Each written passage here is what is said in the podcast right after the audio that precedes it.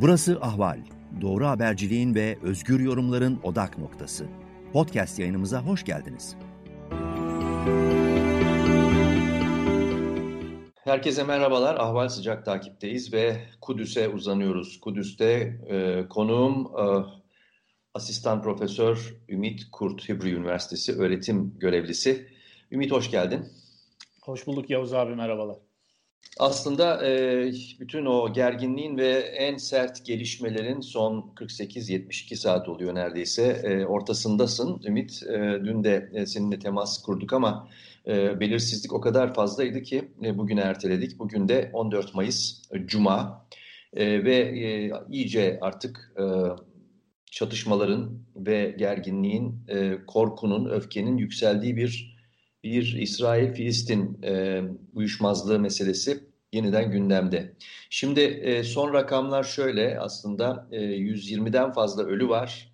Bunların e, 30 kadarı çocuk e, ve bunların büyük bir çoğunluğu 9'su hariç e, Filistinli, adı Arap. E, 24 okul tahrip olmuş durumda. Bunların hemen hemen hepsi e, Gazze'de. 200 kadar da hane, ev e, harap olmuş vaziyette. Evet. Bir tarafıyla çatışma devam ediyor e, ve e, diğer taraftan da e, ilk defa denebilir aslında bu gerginlik ve şiddet dalgası e, İsraillilerle Arapların, İsrailli Arapların birlikte oturdukları şehirlere ve kasabalara yayılmış durumda. Aslında en dikkat çekmesi gereken noktalardan bir tanesi bu. Kesinlikle. Şiddet görüntüleri korkunç. Ee, karşılıklı bir e, taş atma, e, dövme, çok e, çok aşırı şiddet kullanımı var. Karakollara saldırılmış. Her iki tarafta birbirinin oturduğu e, mahallelere saldırıyor. Nedir senin izlenimlerin? Ben senin özellikle izlenimlerini almak için aradım. E, nasıl bir hava yaşanıyor orada? Nedir? Yani sen çünkü şeydesin e, Kudüs'tesin, e, Kudüs'ün batı kesimindesin anladığım kadarıyla. Nasıl hissediliyor orada bu hadiseler?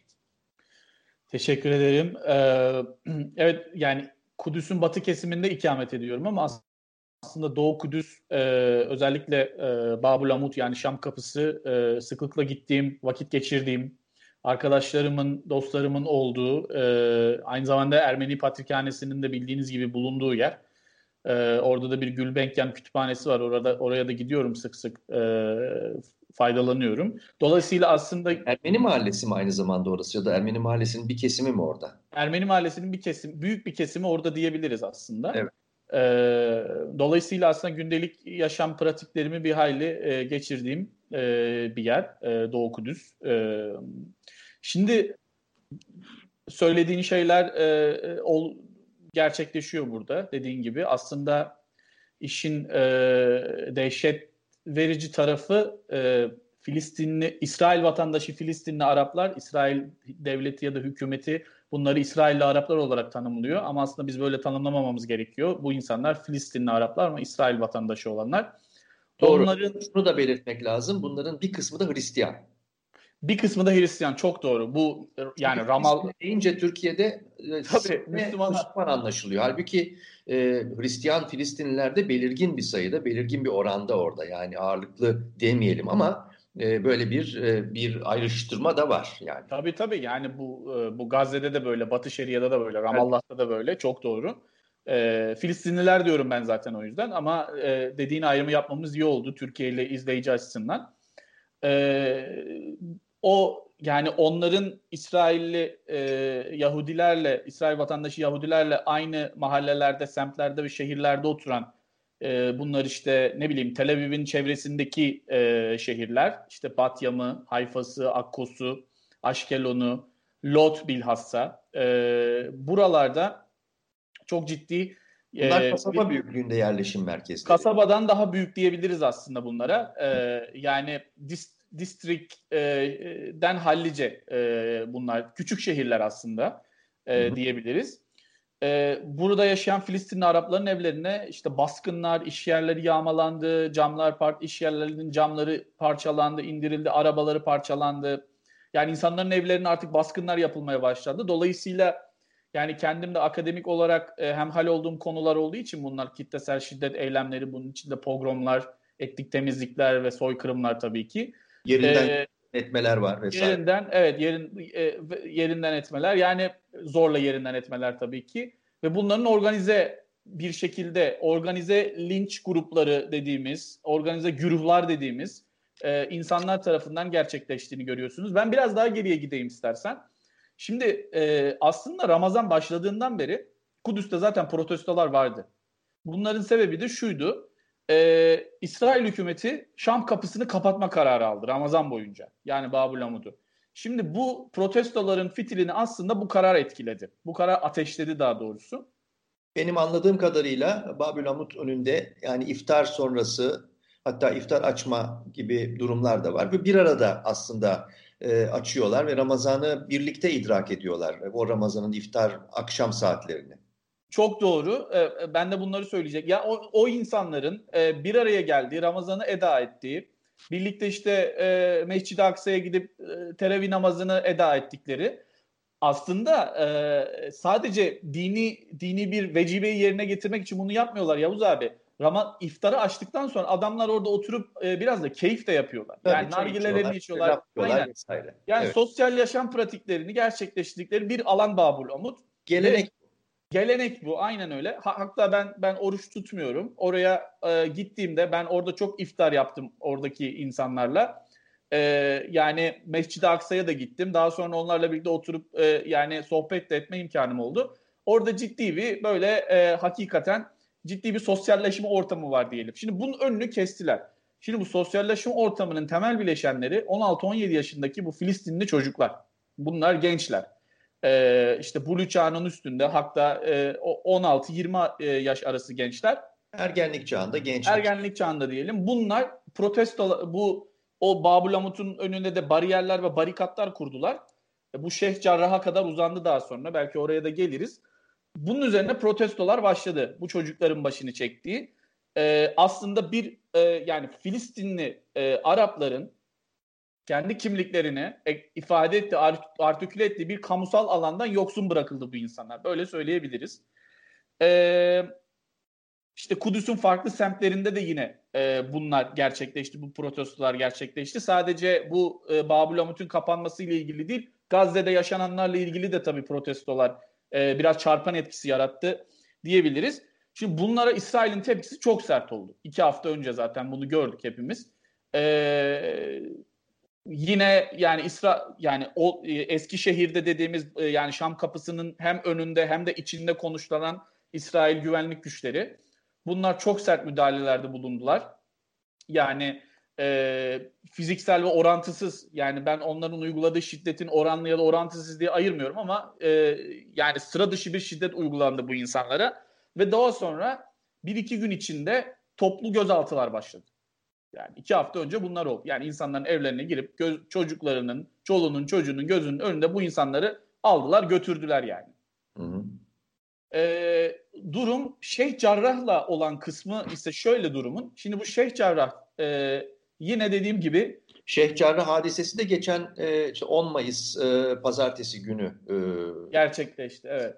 Değil mi? O, o, evet. Mahkeme Mayıs, kararı arkasında. O mahkeme da kararı evet. Aslında mahkeme kararı dikti denebilir yani belki. Evet, evet, evet. Aslında mahkeme kararı şöyle, e, İsrail hem Filistinli e, sivil aktivistler bunların çoğu da avukat e, aslında. Onların da e, etkisiyle ve yüce mahkemeye başvurdular, Supreme Court'a başvurdular. Aslında bu kararı biraz daha geciktirmek için. E, şimdi orada da şöyle bir durum söz konusu. Aslında Şeyh Cerrah'ta olan hadise şimdi şu anda gördüğümüz bir şey değil. Yani oraya yerleşimci e, yerleştirme, yeni yerleşimci yerleştirme hadisesi aslında uzun yıllardır devam eden bir e, olay. Biraz belki Türkiye Türkiye'li kamu yani Türkiye kamuoyu şimdi e, bu gerçekle karşılaştı. Şeyh Cerrah'ta e, bir süre önce oraya bir belediye başkan yardımcısı atandı. Ariel King. Bu aşırı e, sağcı bir e, e arkadaşımız e, Netanyahu hükümetine çok yakın belediye başkan yardımcısı olmasına rağmen bu e, bu kişinin e, orada o fitili ateşlemesi, o Şeyh Cerrah'taki yerleşimciliği oraya bizzat kendisi gidip yerleştirmesi bunlar da e, tabii hem sivil aktivistleri hem sivil toplum örgütlerini ve yani sıradan Filistin halkını da harekete geçirdi. Protestolar başladı. Şimdi bu protesto kültürü şey değil. Yani burada buradaki e, insanların e, bir yani kolonyal bir devletin e, altında yaşayan, bu yapı içinde sosyalleşen, eğitim alan, e, İbranice konuşmaya zorlanan e, bu insan ya da kimliklerini bir şekilde asimilasyon asimilasyona uğratan bu yapının içinde protesto aslında bu insanların gündelik yaşamının bir parçası. Hani şey gibi düşünülmesin. Yani ya bu insanlar da her şeyi protesto ediyorlar. Dirlik, düzen, huzur bırakmadılar kimsede. Böyle bir durum söz konusu değil yani. Evet. Bunu e, söylememiz gerekiyor. Çok konuştum. Sana bırakıyorum sözü. Yok hayır. Zaten e, yani söylenecek şey Şeyh Cerrah'la ilgili. Burada anladığım kadarıyla kaç aile? 12-13 ailenin istimlak, daha doğrusu evlerinden bir şekilde çıkartılması kararı evet. söz konusu. Toplam galiba 70-75 Filistinliye denk geliyor bu evet, rakam. Böyle bir şey. Evet. İnfial, infial hali buradan itibaren patladı. Ama geriye dönüp bakılacak olursa onu da vurgulayalım izleyiciler, dinleyiciler için. Aslında yani Doğu Bat, Kudüs, Batı Kudüs. Aslında Doğu Kudüs e, Filistinler için çok önemli bir e, bir lokasyon, bir yer. Çünkü e, ileride işte kurulması arzu edilen, e, özlemi hasreti çekilen e, işte Filistin devletinin başkenti e, olması e, konusunda çok net kesin bir mutabakat var Filistinler arasında. Ama e, işte 1967'den beri aslında İsrail işgali altında e, burası. Dolayısıyla evet. yani Doğu Kudüs'le ilgili herhangi bir hamle zaten e, nasıl söyleyelim bir barut fıçısı halindeki e, bu durumu ikide bir patlatıyor. Yani evet. habire fitil ateşleniyor denebilir. Ama şöyle bir durum da var. Buraya 1948 öncesi e, burada mülk, tapu e, şekilde yani bu işleri sen e, tabii Antep üzerinden vesaireden çalışmalarından iyi biliyorsun. Ermeni soykırımı üzerinden. E, iddia eden Yahudi aileler sürekli olarak zaten yıllarca, yıllar boyunca bunu e, yani geri dönmek için mücadele veriyorlar evet. üzerinden.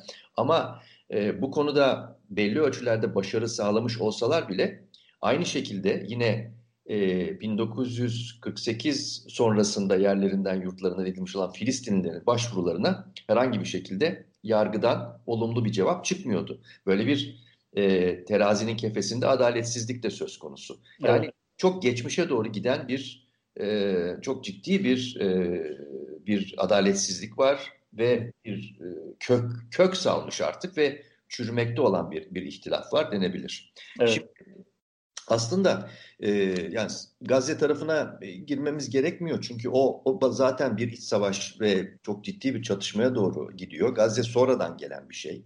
Çünkü işin bir de politik tarafı var. Ona da geleceğiz. Ama e, tekrar şeye dönelim. Yani şunu vurgulayalım. Aşağı yukarı toplam nüfusu ne İsrail'in? 10 milyon civarında mı? Yani 9 9 milyona yakın Batı Şeria ve Gazze'yi de hesaba katarsak. 7 evet. milyonu e, İsrailli Yahudi ve e, iki yaklaşık olarak 2 milyonu da e, Filistinli.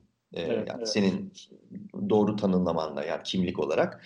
Aslında bunların büyük çoğunluğu arasında e, böyle çok ciddi bir e, topyekün bir karşı karşıya gelme hali de yok değil mi? Yani e, sonuç olarak bu az önce ismini saymış olduğun bu karma yerleşim merkezlerinde 10 yıllar boyunca Filistinlerle e, Yahudiler İsrail'in içindeki o şehirlerde yaşadılar. Evet. Ama şimdi bu aslında iç dengeleri de e, evet. bozan bir durum. Yani evet. bu, ne, bu bunu bu, bu, bu bize ne anlatıyor? Senin bu, e, evet bu önemli bir soru. Aslında e, olayın bam teli de burada as, e, açıkçası bu sorduğun soruda. E, bu bizi tabii ki e, İsrail siyasetinin e, ve İsrail siyasetinin şu andaki durumu geldiği nokta e, ve tabii ki Netanyahu'nun ne yapmak istediği, ne yapmaya çalıştığıyla ilgili bir e, noktaya getiriyor bizi. E, şimdi İsrail iç siyasetinin dengeleri e, şu anda tam da senin sorduğun e, ve dikkat çektiğin nokta üzerinden ilerliyor. O da şu. E, şimdi e, benim se, senin de söylediğin gibi yani bu şehirlerde insanlar daha önce aslında göreceli de olsa e, huzur içinde bir şekilde yaşıyorlardı. En azından bu tür e, böyle linç e, gür, yani güruh halinde bir evet, dönüşmüyordu. Ee, ya Hayfa'da bile oldu ya. Yani çok enteresan bir gelişme hakikaten bu. Hayfa'da bile olması, insanların evini basmaları, e, ultra ortodoks, aşırı sağcı yerli ve yerleşimci olan e, İsrail vatandaşı Yahudilerin yaptığı saldırılar bunlar. Şimdi bunların kendiliğinden harekete geçen gruplar olduğunu düşünmememiz gerekiyor. Bu e, e, durum şöyle Netanyahu hükümeti kuramadı. Dört seçim oldu. E, bir beşinci seçim istenmiyor e, hükümeti kuramadığından hükümeti kuramadığından dolayı muhalefet lideri e, şey var. E, Yair Lapid var bildiğiniz gibi. Şimdi Yair Lapid e, Netanyahu'ya e, net, diğer gruplarla e, meclisteki diğer gruplarla birleşip bir koalisyon hükümeti kurma ihtimali çok yüksek. Bunun üzerine yani her şey para, birbirine koşut gidiyor aslında baktığınız zaman. Netanyahu bunun fitilini ateşledi ve Netanyahu'nun çevresindeki tabii şahin gruplar bu savunma bakanı, e, ve e, kamu kamu bakanı ve e, ve istihbarat e, başta olmak üzere şimdi otobüslerle Batı Şaria'dan yerleşimciler getiriyorlar. Bu bahsettiğimiz Yahudi ve e, Filistinli Arapların e, karmaşık karma yaşadığı şehirlere işte e, Lot'tan Lot bunlardan ön plana çıkanı, Hayfa'da olan olaylar bunlardan ön plana çıkalı. Akkova bindirilmiş, bindirilmiş kıtalar yani. Evet, evet. Bunlar otobüslerle getiriyorlar. Ee, yani ve bu sivillere saldırmak için ya. Hmm. Yani e, üstelik Facebook'ta işte sosyal medyada bu gruplar organize ediliyor. Ve İsrail polisi, İsrail güvenlik güçleri bunlardan haberdar. Bunların bilgisi, istihbaratı var ama göz yumuluyor, Seyirci destekleniyor. Olur. Seyirci kalındığı durumlar oluyor, göz yumulduğu durumlar oluyor, desteklendiği durumlar oluyor. Yani sonuçta bunlar devlet sponsoru, devlet destekli e, hareketler, o güruhlar olduğunu söylemem gerekiyor. Ve Netanyahu e, bunları kaşıyor.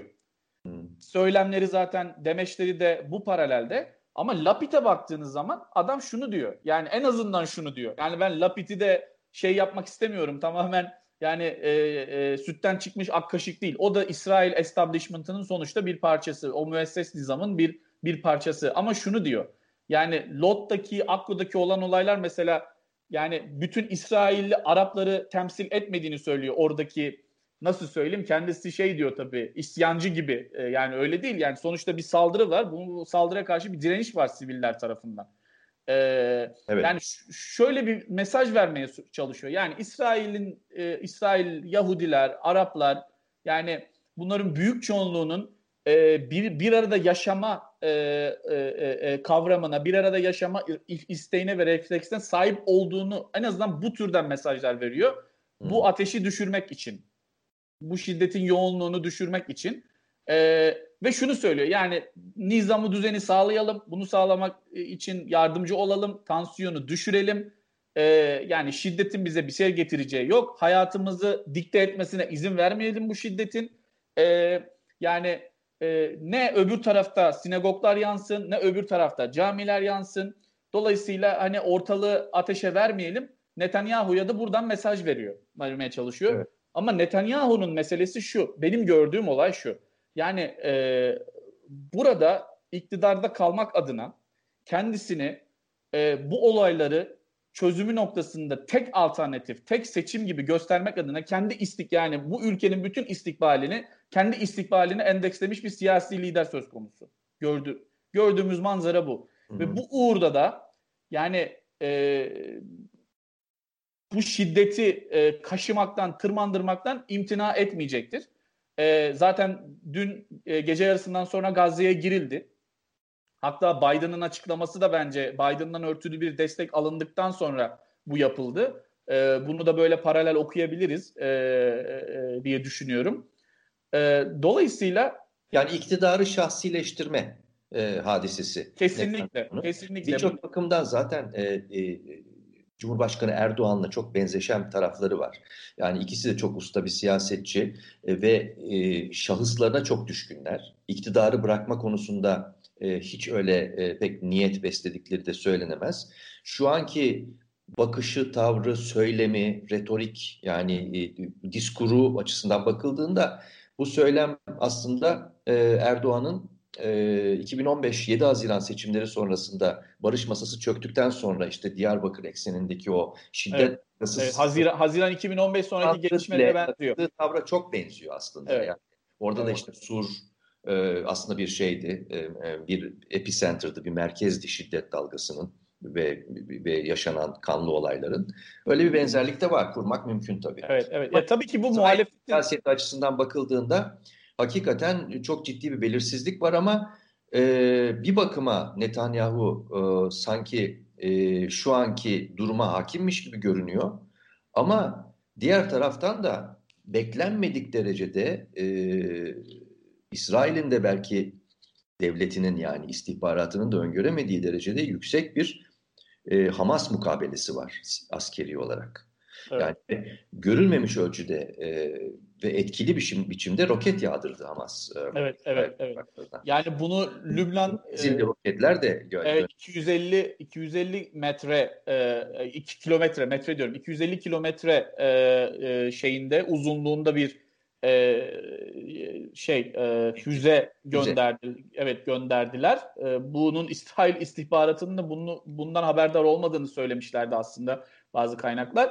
Tabii bunun e, Lübnan Hizbullah ayağını da e, unutmamamız gerekiyor. Yani oradan gelen de bir destek var Hamas'a yönelik. Yani e, Hamas Filistin siyasetinde e, belki 2000 özellikle Mursi Mursi'nin indirilmesiyle birlikte Mısır'daki gelişmelerle birlikte güç kaybetmiş gibi gözüküyor ama ben genel olarak İvan hareketinin e, hala ciddi bir e, ağırlığı olduğunu, e, destek olduğunu e, düşünüyorum. Çok bu konularda uzman değilim ama dışarıdan gördüğüm e, ya da okuduğum burada Filistinli e, hem entelektüel, yazar, çizer, literati arkadaşlarımla konuştuğumda edindiğim izlenim bu ki bu insanlar da öyle Hamas yanlısı, Hamas destekleyicisi falan kişiler değil yani. E, entelektüeller ya da akademisyenler değil burada dikkat çekmek istediğim başka bir nokta var. Yani aslında beni bir e, yani sosyal bilimci genel olarak ve bu meseleler üzerine çalışan bir tarihçi olarak e, endişelendiren şey halklar arasındaki bu tırmanan bu çatışmaların, bu fay hatlarının e, burada e, kend, e, din motivasyonlu gerçekleşmesi. Yani burada din yani bunun e, yansımasını hem Filistin tarafında hem de İsrail ya da Yahudi tarafında görebiliyorsunuz. Yani orada Mescid-i Aksa'nın bir kısmında atılan gaz bombalarından dolayı o, o büyük yangın çıktığında orada 6-7 Eylül 6-7 gün savaşları sonrası 67'deki İsrail'in işte e, e, Yahudi günü ilan edilen o günde 16-17 yaşındaki ultra ortodoks aşırı sağcı ve yönlendirilen o çocukların oraya gidip yani o e, o, o söylenen marşlar, o marşlar çok böyle dini kabalistik şeyler e, söylemler. Orada bir, bir yangın var. E, alevler yukarıya çıkmış, ayyuka çıkmış ve orada İsrailli çocuklar 16-17 yaşındaki çocuklar dans ediyorlar, eğleniyorlar. Yani buradaki din motivasyonu, bu ideolojik olarak bunun ön plana çıkması hakikaten çok ürkütücü. Çünkü bunun üzerinden bu fay hatlarını kaşıyarak insanları birbirine düşürmeniz yani şöyle bir şey oluyor. Aynı şehirlerde kar, e, karman çorman yaşayan Birlikte yemek yiyen, birlikte iş yapan insanlar bunlar son tahlilde. Yani burada İsrail'de şey yok. E, Filistinler bir tarafta, Yahudiler bir tarafta böyle bir durum yok. İç içe geçmiş. Her yer için söylemiyorum tabii ki bunu. Bu adı geçen şehirler için en azından bundan söz edebiliriz. Şimdi bir yani öyle bir şey yaratıyorlar ki yarın siz uyandığın, uyandığınızda e, her gün beraber e, çalıştığın, gördüğün, sohbet ettiğin, iş yaptığın, yemek yediğin adam bir anda senin gözünde şey oluyor. Arap. Hmm. Filistinli Arap, Müslüman Arap. Karşı taraf içinde Yahudi. Yani bu etno etno dinsel kimlikler üzerinden tanımlamaya başlıyorsunuz son, bu, bunu. Ya bu 1860'da evet, Lübnan'da da oldu. Daha sonra devam etti bu sekteryan şeyleri kaşıdığınız zaman hem de bunu din üzerinden yaptığınız zaman bunun önünü almanız imkansız. Netanyahu'nun şu anda yapmaya çalıştığı şey iktidarda kalmak adına Lapid'in bu e, tırnak içinde yumuşak e, söylemlerini e, bastırmak adına İsrail'deki toplumsal kesimleri bölmek ve birbirine düşürmek hatta. Böyle, yani böyle bir tehlike de var şu an Yavuz abi. Adam toplumu kendi içinde de bölmeye çalışıyor.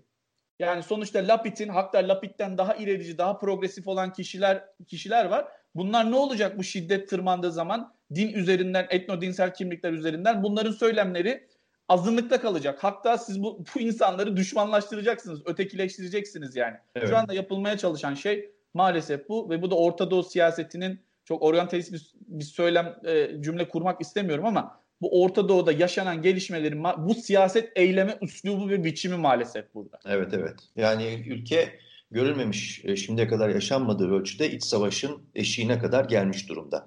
Ve bunun baş sorumlusu da e, tartışmasız Netanyahu gibi gözüküyor. Yani ee, ben şuna da karşıyım. Burada şunu da söylemek istiyorum. Yani İsrail'i sivillere yönelik Hamas'ın yapmış olduğu saldırıları da şiddetle kınamamız gerekiyor. Şu anda Tel Aviv'de, Tel Aviv çevresinde şehirlerde yaşayan İsrail vatandaşı Yahudiler bu insanlar sığınaklardalar, korku içindeler. Bunu da unutmamamız gerekiyor. Zaten mesele bu, mesele bu gerilimi yaratmak, bu korkuyu yaratmak ki bu insanları kabaca ifade etmem gerekirse birbirine düşürmek. Yani o bu evet. insanlar birbirlerini etno dinsel kimlikleri üzerinden tanımlamaya başlayacaklar ve ayrışmalar zaten buradan her türlü temayüz ediyor. Ee, küçük bir soru, bir sorum daha olacak ondan sonra noktalayacağız. Ee, Kudüs aslında sadece Yahudi ve Müslüman diye ayrılmıyor aslında. Kudüs'te e, hayli belirgin ağırlıklı bir e, Hristiyan e, tabii, tabii, kesim tabii, de var. Evet. Yani Katolikler var, e, diğer başka Hristiyan mezhepler. Evet. Onlar nasıl bakıyor bu meseleye? Nerede duruyorlar? Onlar etkileniyorlar mı? Ee, yani aslında bu gruplar çok fazla çok fazla bir bilgim yok en azından Katolikler açısından konuşursak ama e, Arap Hristiyanlar yani Arap Hristiyanlar açısından Ramallah'ta çoğunlukta aslında bu gruplar. E, bunlar tabii ki e, e, müthiş bir e, Netanyahu'ya karşı müthiş bir tepki var. Yani e, kimse burada şey değil, aymaz değil. Yani yapılmaya çalışmak istenen şeyi görüyor. Onların tepkisi daha çok Netanyahu üzerinde yoğunlaşıyor. Ama şiddetin iki taraftan gelen şiddete, şiddete de tabii ki karşılar. Ama evet. e, Ramallah'ta yaşayan Filistinli e, ya, Arap Hristiyanlar açısından e, aslında destek daha çok Gazze ve Batı, Batı Şeria'daki e, Filistinler, Filistinlere güçlü bir destek var. Altını çizelim. Batı Şeria şu ana kadar çok etkilenmiş görünmüyor bütün bu o şiddet evet, altında. Evet, evet. O, Ama orada da şey var. Oradaki yerleşimciler e, toplanarak karma yani Yahudi ve e, Arapların e, karmaşık yaşadığı şehirlere gönderiliyorlar. Sopalar evet. yani saldırı güruhları haline dönüşmüş. Bir nevi vekalet savaşına dönüşüyor. Evet. Işte. Evet. Yani evet. pogrom vari e, saldırıların olduğunu söylememiz gerekiyor. Yani Arap e, öyle bir noktaya gelmiş ki öfke ve hiddet Yavuz abi. E, arabanın içinde adam arabayla geçiyor. Adam Yahudi. Ama fiziksel olarak baktığın zaman adamı Arap zannediyorlar. Tabii. Adamın da arabasını parçalamışlar. Hatta bazı e, arabalar işaretleniyor. Öyle şey öyle bilgiler de geliyor mesela. Hani e, doğruluğunu bilmiyorum ama bunlar tabii pogrom dediğimiz bir kere ee, işler çığırından çıktı mı zaten nerede biteceği bilinmez. Evet. E, bunu Türkiye'de yaşadı Maraş katliamında vesaire pek çok başka örnekte de. Evet, evet, Onu yani evet. izleyicilerimiz, dinleyicilerimiz daha net kafalarında netleştirsin evet. diye bu örnekleri vermek gerekiyor. Bütün bu olaylar aslında bize işte şeyi de gösteriyor. Yani. E, bu tür yani, yani, yaşandı e, Türkiye'de. Tabii. Yani Pera Caddesi mahvedildi. Yani, insanlar yerlerinden söküldü, pogromlar yaşandı. Ama burada da şimdi tarih bir şekilde burada bu şekilde de tekerrür ediyor. Peki e, Ümit e, şunu da noktalayalım. E, sen tabii gittin gördün e, ben de gördüm çok etkilenmiştim orada e, Mescid-i Aksa, Harem-i Şerif, e, ağlama duvarı, oradan geçiş filan. Şimdi burada e, bu yaşanan e, insanlık dışı hadiseden sonra yani e, bir ibadet yerine silahlarla evet. e, dalınması ve insanların böyle kovalanması e, orada e, ibadet eden insanların bu yaşandı. Şimdi burada bu aşamada durum ne? Yani ibadete açık mı hala Mescid-i Aksa? Yok Ve şu an bildiğim kadarıyla kapalı. Bildiğim kadarıyla kapalı.